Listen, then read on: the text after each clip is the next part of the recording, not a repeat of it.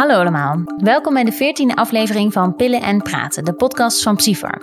Bij iedere nieuwe editie van de Psyfar vertellen Cisco en ik je alles over twee artikelen en zo ook deze keer. Maar misschien is het leuk om te beginnen met wat duurzaamheidsnieuws. Ja, heel goed. Een tijdje geleden organiseerde de KNMG namelijk de Groene Week. Met als thema dokters gaan voor duurzaam. En dat is natuurlijk een thema waar veel om te doen is, maar waar we ook wel weer een beetje mee worstelen. Dus Angela, heb jij, heb jij nog wat duurzaams gedaan de afgelopen tijd? Nou, ik was recent uh, op een nascholing over duurzaamheid in de zorg. Dat was heel interessant, want je merkte dat het heel erg leefde, het onderwerp, onder allerlei specialisten. Dus uh, ziekenhuizen, um, maar ook zelfstandigen. Iedereen is er eigenlijk wel mee bezig. Heel goed. En op jullie afdeling, hebben jullie zelf al iets doorgevoerd? Ja, we zijn daarover na aan het denken. Want recent zijn natuurlijk al die adviezen gepubliceerd over uh, wat je kan doen om je af, klinische afdeling eigenlijk uh, duurzamer te maken. En er zijn een hoop dingen, um, adviezen waar we iets mee kunnen. Maar we zijn nog een beetje aan het uitzoeken hoe we dat dan kunnen gaan doen. Maar je moet denken aan bijvoorbeeld, uh, wij gebruiken nog van die plastic medicijncupjes. Die kunnen we natuurlijk weer veranderen. En um, ja, dat je misschien incontinentiemateriaal kan recyclen. Dat soort adviezen allemaal. Ja, ja interessant. En jij op jouw afdeling? Ja, het, ik blijf lastig in ieder geval gewoon hè, de papieren bekertjes zo min mogelijk gebruiken. Maar ik heb toch ook altijd wel het gevoel dat je hebt toch uiteindelijk gewoon met name de het gebouw moet duurzaam zijn in de psychiatrie. En ja, daar, daar heb ik helaas uh, weinig uh, invloed op. Maar gelukkig uh, bij ons op de Nieuwe Valerius is, is dat wel zo. En wat we wel laatst hebben gedaan bij de ECT, dat was een heel goed initiatief van de verpleegkundigen, is dat we alle kapjes gebruiken. Want die mensen hebben dus ja, elke twee weken, twee keer per week ECT en krijgen dan een mondkapje. Dus gemiddeld bij zo'n heel ECT-traject gebruiken we 20, 30 van die dingen. En die bewaren we nu gewoon netjes in een kastje, waardoor we er maar één of twee nodig hebben. Dus dat, oh, ja. uh, dat scheelt wel veel plastic. Wat goed, ja. Mooi. Maar goed, waar, uh, waar wil je het over hebben vandaag? Um, nou, voor de afwisseling heb ik deze keer een artikel uitgezocht over eetstoornissen van Louise Smallenburg. Uh, een doelgroep die ik zelf natuurlijk als ouderpsychiater niet zo heel vaak uh, zie. Maar onze collega's van de kinder- en jeugdpsychiatrie en ook de volwassenenpsychiatrie natuurlijk wel. Dus daar ga ik het deze keer over hebben. Mm -hmm. En in welk artikel heb jij je verdiept? Ja, ik ga jullie meenemen in de wereld van de bipolaire stoornissen en alle nieuwe medicatie die daar de afgelopen jaren beschikbaar voor is gekomen. Klein tipje van de sluier. Er is al meer op de wereld dan lithium, valproïnezuur en carbamazepine. Oké, okay, laten we daar beginnen. Uh, Cisco, jij gaat het dus hebben over de behandeling van bipolaire stoornissen. Waarom? Nou ja, vooral omdat ik er tot mijn schrik achter kwam dat we het al een hele tijd niet over hebben gehad. Sterker nog, we hebben het eigenlijk nog nooit specifiek over bipolaire stoornissen gehad in deze podcast. In de allereerste aflevering, die, die je ook gewoon nog steeds kan terugluisteren, hebben we het wel gehad over medicatie geïnduceerde manieën. Maar ik dacht, het is goed om eens specifiek te kijken naar de bipolaire stoornis. Helemaal mee eens. Hoog tijd om dat te corrigeren. En uh, wie schreef het artikel? Het artikel is geschreven door Elvira Boeren. Zij werkt uh, bij de topklinische poli voor bipolaire stoornissen van uh, PsyQ. ze kiest in het artikel voor een brede aanpak en loopt in sneltreinvaart alle nieuwe medicamenteuze ontwikkelingen door die spelen voor bipolaire stoornissen. Oké, okay, want die richtlijn is op zich wel goed ingeburgerd met dat hele mooie stroomdiagram. Tenminste, ik pak hem er echt ontzettend vaak bij. Uh, is dat stroomdiagram nog up-to-date? Ja, klopt. De, richtlijn is wat betreft dit artikel ook echt nog steeds wel leidend. Dus dat, dat uh, wordt aan het begin duidelijk gezegd. Maar het stamt ook wel weer uit 2015. En de ontwikkelingen hebben niet stilgestaan. Er zijn wel nieuwe inzichten uh, ondertussen. Dus als je er niet uitkomt, kun je zeker nog wel meer betekenen voor je patiënten als je de behandelopties in de richtlijn gehad hebt. Um, ze beschrijft zowel middelen tegen de depressie als tegen de manie. En daarna gaat ze later nog in op de middelen tegen agitatie. En doet ze nog een klein uitstapje naar de gemengde episode en uh, metabole bijwerkingen. Maar die laat ik voor nu even buiten beschouwing. Maar die, die staan wel gewoon in het artikel in de, in de Psyfar. En laten we beginnen dan bij de bipolaire depressie. Wat uh, kun je daarover vertellen? Ja, er zijn dus verschillende middelen voor de bipolaire depressie die, die nieuw onderzocht worden. En die zijn dus naast de richtlijn, uh, de middelen in de richtlijn zijn niet te overwegen. En de eerste die in het artikel besproken wordt is de lumateperon. Het is geclassificeerd als antipsychoticum, maar het is in Nederland verder nog niet geregistreerd. In de Verenigde Staten sinds 2021 wel. En daar is het zowel als monotherapie als additietherapie ook als uh, voor de bipolaire depressie geregistreerd. Het heeft een sterke bindingsaffiniteit met de serotonine 5-HT2A-receptor. En bij hoge dosering werkt het ook presynaptisch als agonist van de dopamine D2-receptor en dus postsynaptisch als antagonist van deze receptor. En dan bindt het ook nog eens aan de dopamine D1, D4 en NMDA-receptoren. Dus polyfarmacie met één pil. Kijk, de gevleugelde uitspraak van Arne Rizzelada, daar is hij weer. Um, ja, het klinkt inderdaad als een antipsychoticum. Hè? Die hebben vaak een heleboel receptoren, uh, allerlei effecten. Maar waarom zou dit dan werken? Ja, het idee is dat het uh, zou leiden tot een verbetering van slaap en een vermindering van agitatie bij lagere doseringen. Als je het dan hoger doseert, dat het dan een antidepressief en antipsychotisch effect zou hebben. Oké, dat klinkt theoretisch allemaal heel goed. Um, maar meten is weten. Is het ook onderzocht? Ja, ja, klopt. Anders was het waarschijnlijk ook niet geregistreerd in de VS. En het artikel noemt een uh, fase 3 onderzoek met uh, ruim uh, 370 patiënten. Waarbij de ene helft kreeg dan 42 milligram van dit lumateperon en de andere groep kreeg placebo. Dan na zes weken werd er gekeken en toen werd er wel een duidelijk significant effect gevonden op de depressie ernst. In de interventiegroep dus. En um, nou, de auteurs noemen het een medium effectgrootte. Dus het, het heeft wel iets effect. Uh, daarbij was er dus een uh, andere positieve bevinding dat lumateperon minder metabole bijwerkingen zou geven in, in die studie dan, dan andere alternatieven zoals olanzapine of clozapine bijvoorbeeld. Ja, oh, dat is wel een relevant resultaat. Ja, klopt. Dat is op zich een uh, vaak een op zichzelf staand probleem kan dat worden bij heel veel van onze medicatie. Maar als ik even ook sceptisch mag zijn, Eén studie met een korte follow-up. Uh, het middel is nog niet geregistreerd. Dus zelf zou ik hier nog wel echt mee even wachten tot er bijvoorbeeld wat replicatiestudies zijn en of tot het uh, geregistreerd is uh, in Nederland voordat ik dit ga voorschrijven. Ja, helder. En waren er nog meer nieuwe middelen voor depressie? Ja, het tweede middel in het artikel is Luracidon. Daar had ik al wel eens over gehoord. Um, dat komt waarschijnlijk ook omdat het een wat ouder middel is. Het is in Nederland uh, in 2014 al geregistreerd voor schizofrenie. Maar in, in de Verenigde Staten weer dus ook al sinds 2013 voor depressie bij bipolaire stoornissen. Uh, het wordt in de richtlijn uit 2015 dan ook wel genoemd als mogelijke stap als de reguliere behandeling niet werkt. Uh, dit, dit middel werkt ook op verschillende serotonerge receptoren en ook op de D2-receptor. En de evidence voor dit middel stamt uh, ook vooral uit 2014. Toen is er veel onderzoek naar gedaan. En op basis van twee uh, meta-analyses vertelt het artikel ons dat er sindsdien geen nieuw onderzoek is verschenen. Dus relatief weinig evidence. en daarom ook wel een beetje oppassen met te bouten uitspraken over dat dit middel fantastisch werkt. Maar ja, wel iets wat je dus ook kan overwegen. Goed. En wat is er nog meer? Dan is er nog onderzoek gedaan met opvallend genoeg metformine. Dat, wat we allemaal kennen als het antidiabeticum. Uh, dit omdat insulineresistentie kan leiden tot een chronisch beloop uh, en hardnekkige depressies bij de bipolaire stoornis. Dat, dat wist ik eigenlijk ook niet, maar nu geleerd. Eén RCT, heel klein studietje met 20 patiënten in de metforminegroep en 25 patiënten in de, in de placebo-arm. Liet wel effect zien van dus het goed reguleren van de suikers op de depressieve klachten. En dan opvallend genoeg werd dat antidepressieve effect ook vooral gezien als je een goed effect had op de suikers. Dus via een goede glucoseregulatie lijkt dus ook de depressie minder te worden. Uh, maar goed, dit is echt een pilot, vraagt om een groot en goed onderzoek. Um, maar ja, stel je hebt dus een patiënt die worstelt met hardnekkige bipolaire depressie en het is sprake van een uh, uh, te hoge bloedglucose, dan is, lijkt me een uh, hele goede optie om dan met vermine te starten. Als je dat niet sowieso al wil doen bij, uh, bij iemand met diabetes. Ja, het is wel hetzelfde natuurlijk, maar één kleine studie. Dus daar moeten we ook nog wel voorzichtig mee zijn dan met, uh, met de uitspraken. En in de wandelgangen net vertelde je me ook nog iets over modafinil. Ja, ja klopt. Ja, ja modafinil inderdaad. Een stimulantium dat in Nederland geregistreerd is tegen narcolepsie. Uh, hier is al wel wat meer evidence voor. En het artikel beschrijft systematic review, die wel suggereert dat er ruimte is voor modafinil als uh, adjuvant therapie. Naast een reguliere stemmingstabilisator, dus die, hè, de lithium of valproïnezuur. Um, ze waarschuwt ook wel echt in het artikel voor manie als bijwerking. Hoewel dit niet direct uit die review kwam, wordt dit wel vaak beschreven. Uh, en het bewezen effect is niet zo heel groot. Dus het had een vrij hoge number need to treat. Dus hoeveel mensen moet je deze pil geven voor één iemand die daar dan substantieel voordeel bij heeft? En dat lag boven de 10. Dus ook daar weer een, een voorzichtig uh, advies. Denk echt vooral als je vast zit. Zou je dit kunnen overwegen naast dus een reguliere therapie. Ja, een beetje oppassen dus met die modafinil. Um, waren dat ze dan?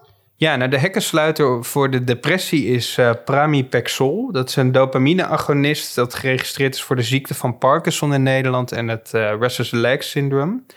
Hier is het bewijs ook nog niet sluitend, wat uh, mogelijk te maken heeft met dat de studies waarmee het gedaan is, werd steeds een relatief lage dosering gebruikt. Waardoor in de RCT's weinig effect gevonden wordt, maar als je gewoon naar de meer naturalistische studies kijkt, wordt er vaak een hogere dosering gebruikt waar dan wel weer effect is. Dus nou ja, moeilijk, moeilijk te interpreteren. Maar het lijkt met name het effect van stabilisatoren te verbeteren. Dus ook weer uh, iets wat je kan overwegen als adjuvante therapie. Ook hierbij uh, zou op basis van anekdotisch bewijs dus wel het risico op manie um, bestaan. Dus voor mijzelf dacht ik, nou, dit is nou ook typisch een middel wat ik eigenlijk alleen in overleg met een expert zou willen starten. Uh, en daar echt even goed uh, eerst over na moet denken. Ja, wel super interessant, want ik ken eigenlijk al deze middelen niet in dit kader dan van de bipolaire depressie. Dus in ieder geval laat het zien dat het echt een veld in beweging is. Ja, zeker. En, en dat, dat geldt niet alleen voor depressie, maar ook voor de andere kant van de bipolaire stoornis voor middelen tegen manie. Dus allereerst uh, wordt daar cariprazine genoemd. Uh, dat is een middel wat in 2018 is geregistreerd voor de behandeling van schizofrenie. Maar ook hier weer is het in de Verenigde Staten in 2015 al geregistreerd voor de behandeling van manische en gemengde episodes bij een bipolaire eenstoornis. Uh, cariprazine is een partiële agonist voor de dopamine D1, D3 en de serotonine 5-HT1A-receptoren. Hele mond vol. Ja, precies. En heeft uh, actieve metabolieten met een lange halfwaardetijd. Dus daar moet je altijd wel voor opletten, bijvoorbeeld ook bij ouderen. Uh, in een post-hoc-analyse van wel meer dan duizend patiënten werd een duidelijk anti-manisch effect gevonden. Bij ook wel lage doseringen. En ook hier werden er wel medium effectgroottes gevonden. Dus, dus dat, uh, dat is wel belangrijk. Daarbij werd cariprazine goed verdragen. En indien er toch bijwerkingen optraden, dan werden voornamelijk akathesie, extrapyramidale syndroom en misselijkheid gerapporteerd. En veelal waren die doses gerelateerd. Uh, de auteur uh, nuanceert het wel, omdat er verschillende effectieve antimanische middelen al wel beschikbaar zijn in Nederland. Dus de vraag is, ja, hoe, hoe snel moet je daar dit middel grijpen? Ook hier weer adviseert ze om het vooral te doen als de andere, gewoon de reguliere stappen niet werken. Zou je dus die cariprazine kunnen overwegen als off-label optie. Want alleen een post-hoc-analyse is natuurlijk niet de meest stabiele wetenschappelijke basis.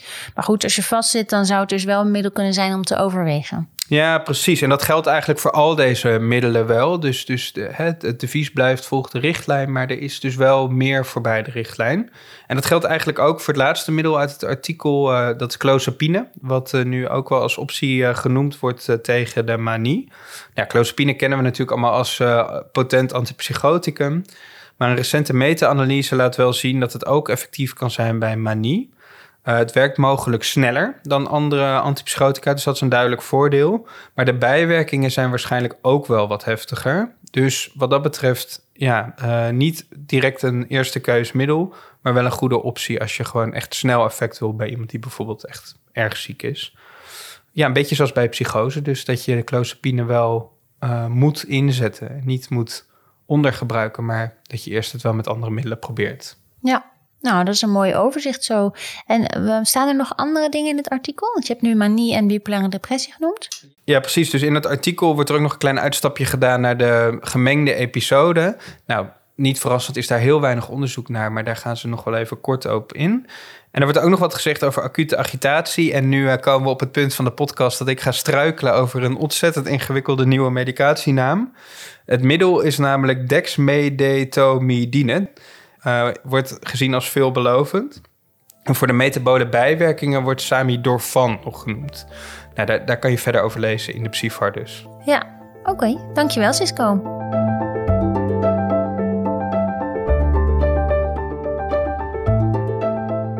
Angela, waar gaat jouw artikel over? Het gaat over diagnostiek en behandeling van eetstoornissen. En het is gebaseerd op de GGZ-zorgstandaard.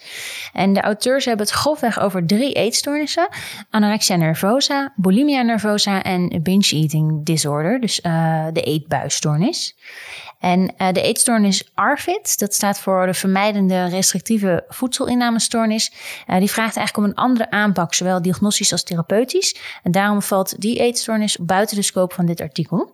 Uh, misschien kunnen we het daar in de volgende aflevering nog wel een keer over hebben. Ja, is goed. De auteurs hebben ook aangegeven hè, dat ze in de toekomst ook wel een artikel over ARFID zullen schrijven. Dus dan kunnen we die mooi hier weer uitlichten. Ja, inderdaad. Maar vandaag gaan we het hebben over anorexia, bulimia en de eetbuisstoornis. Weet jij wat het verschil is? Oeh, goede vraag meteen. Ik denk anorexia is vooral minder eten.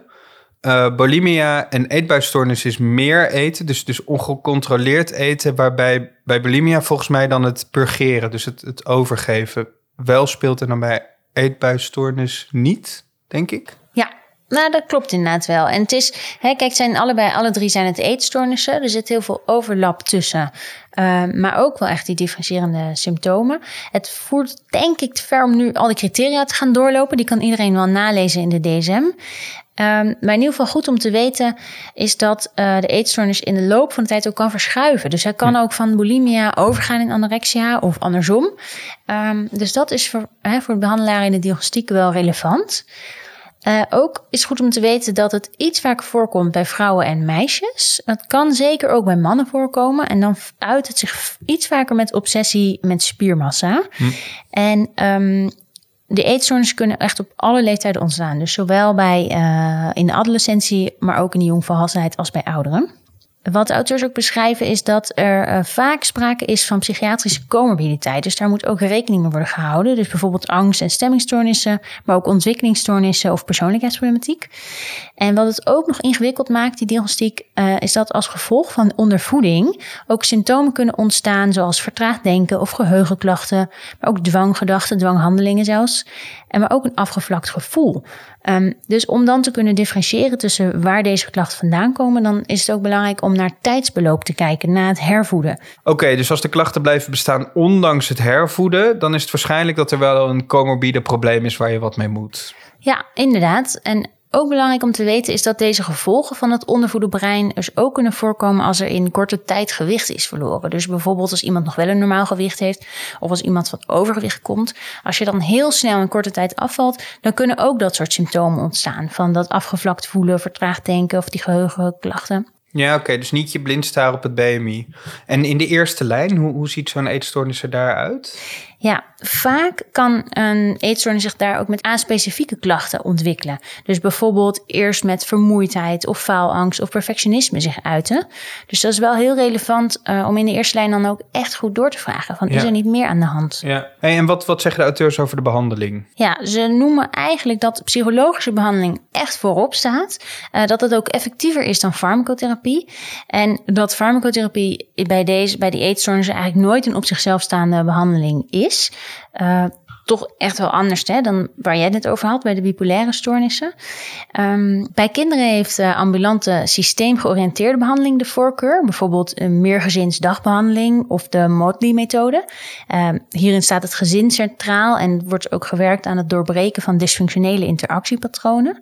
En de tweede keuze bij kinderen is uh, cognitieve gedragstherapie. Dat kan dan zowel individueel als in groepsverband worden gegeven.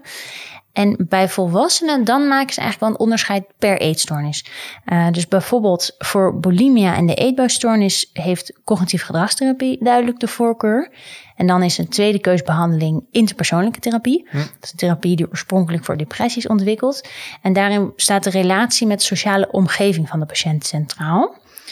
En voor anorexia nervosa worden vier psychotherapeutische behandelingen beschreven. Onder andere de cognitieve gedragstherapie, weer de Modley-methode, dat is die systeemgeoriënteerde behandeling, een mantra en de SSCM.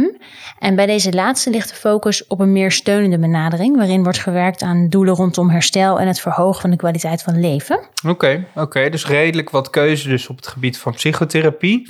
Maar hoe zit het met de farmacotherapie? Ja, zoals ik eerder al zei, um, de farmacotherapie staat nooit op zichzelf bij eetstoornissen. Je kunt het wel uh, geven, bijvoorbeeld hè, bij comorbide stoornissen. Dan uh, kan het nog wel helpend zijn. En er wordt eigenlijk echt wel door de auteurs benadrukt dat bij kinderen en jongeren met anorexia uh, je terughoudend moet zijn met gebruik van medicatie. En ook bij volwassenen met anorexia nervosa wordt die terughoudendheid gevraagd, zolang onduidelijk is of stemmings- en angstklachten um, zouden kunnen worden veroorzaakt door ondervoeding dus vaak leiden gewichtsherstel en de behandeling van de eetstoornis eigenlijk al tot verbetering van deze klachten. En dan zijn de medicijnen niet nodig. En als er dan toch voor medicatie wordt gekozen, dan zijn er grofweg eh, de volgende adviezen opgedeeld per stoornis. Oké, laten we beginnen met anorexia nervosa. Ja, voor zowel kinderen, jongeren als volwassenen is er helemaal geen evidentie voor SSRI's.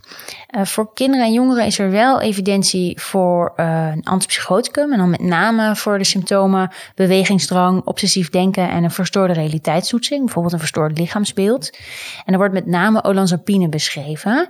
Is wel dan off-label. Hm, hm. En is dat dan omdat uh, gewichtstoename een bijwerking van olanzapine is? Dat het daarvoor gebruikt wordt? Nou, dat zou je denken. Maar interessant genoeg beschrijven de auteurs dat bij patiënten met ondergewicht die bijwerking van gewichtstoename bij olanzapine niet wordt gezien.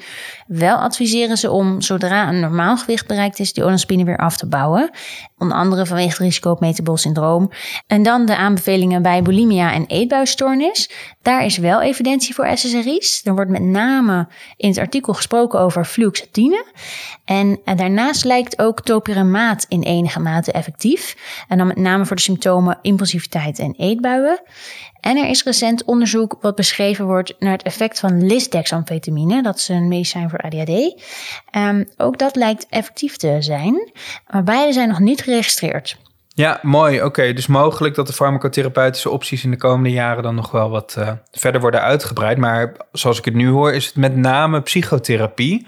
En is de farmacotherapeutische opties zijn wel wat, uh, wat schaarser. Zijn er nog andere zaken die de auteurs noemen in het artikel die belangrijk zijn? Ja, ze gaan ook nog een stukje in over het hervoeden. En dan met name, hey, hoe zou je dat nou moeten aanpakken? Uh, calorieinname, wat is nou eigenlijk normaal? Hè? Dat je daar een diëtist voor inschakelt. Uh, dus dat kan nog even nagelezen worden. En dan gaan ze eigenlijk ook nog een heel stuk in over dat het belangrijk is om een terugvalpreventieplan te maken. Um, Eigenlijk schrijven ze op dat patiënten het risico op een terugval kunnen verkleinen door zich bewust te zijn van mogelijke triggers en leren hoe hier anders mee om te gaan.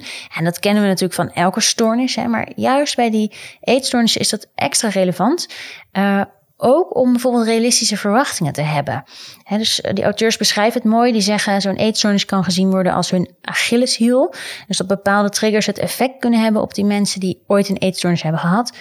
Dat ze in de toekomst weer anders gaan eten.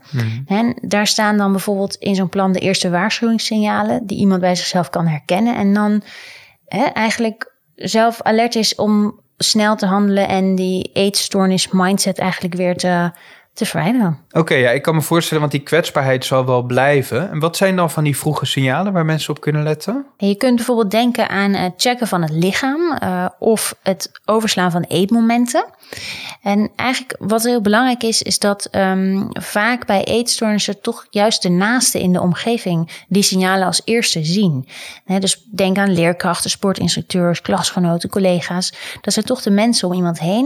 Um, en daarom is er ook een, uh, een bruikbare kaart ontwikkeld door de Stichting voor Eetstoornissen, waarop heel mooi die eerste signalen staan beschreven. En het zou mooi zijn als onze collega's deze kaart ook onder de aandacht kunnen brengen bij naasten, maar ook bijvoorbeeld als ze ergens voorlichting geven over eetstoornissen. Het is echt een signalenkaart. Ja, heel goed. Nou, ik ga hem zelf ook eens even bekijken. Dankjewel eh, Angela, mooi overzicht zo. Zo, dat was hem weer. Twee hele interessante artikelen. En Cisco, wat moeten de mensen thuis nou echt onthouden over jouw artikel? Nou, je zei het al, hè? bipolaire stoornis is nou typisch zo'n uh, zo'n aandoening waar we het heel veel over pillen hebben. Uh, dus voor mij was het uh, veel pillen, weinig praten vandaag. Maar dat um, zat natuurlijk ook wel in de opzet van het artikel. Zelf ontdek ik meer en meer ook wel hoe belangrijk goede psychotherapie is bij de behandeling van uh, bipolaire stoornis. En ook met name over de betekenisgeving en de zingeving. Wat betekent het nou om zo'n kwetsbaarheid te hebben? En als je dat goed aanpakt, dat dan ook de stemmingstabiliteit vaak, vaak wel dat dat ten goede komt. Maar goed, je hebt toch bijna altijd ook wel medicatie nodig en vooral bij de meer ernstige beelden. En wat dat betreft neem ik enerzijds mee uit het artikel dat de behandeling voor bipolaire stoornissen echt niet stopt met de richtlijn. Maar ondertussen ook wel dat veel van die nieuwere middelen nog wel echt op basis van enkele of bijvoorbeeld wat kleine pilotstudies uh, aangeraden worden. Dus wel voorzichtig zijn. Geen, geen reden om mensen met therapieresistente klachten deze middelen te onthouden. Maar ook iets waar we wel genuanceerd en uh, voorzichtig mee om moeten gaan. En jouw artikel, Angela? Ja, bij mij was het juist andersom. Dus bij eetstoornissen gaat het toch vooral om praten en weinig pillen. En ik vond het ook interessant om te lezen dat die eetstoornissen op alle leeftijden kunnen ontstaan. En ben erg benieuwd naar het volgende artikel van de auteurs over die ARFID. Ja, precies. Dus blijf deze podcast volgen. Hiermee zijn we aan het eind gekomen van deze aflevering. Het is een podcast van Psyfar in samenwerking met mij, Sisko van Veen en Angela Carrier. Deze podcast is te beluisteren op je favoriete app. Vergeet je niet te abonneren, dan ben je op de hoogte als er een nieuwe aflevering online staat. Suggesties kun je sturen naar podcast.psyfar.nl. Over drie maanden zijn we er weer. Voor nu een fijne dag en tot de volgende aflevering. Doei!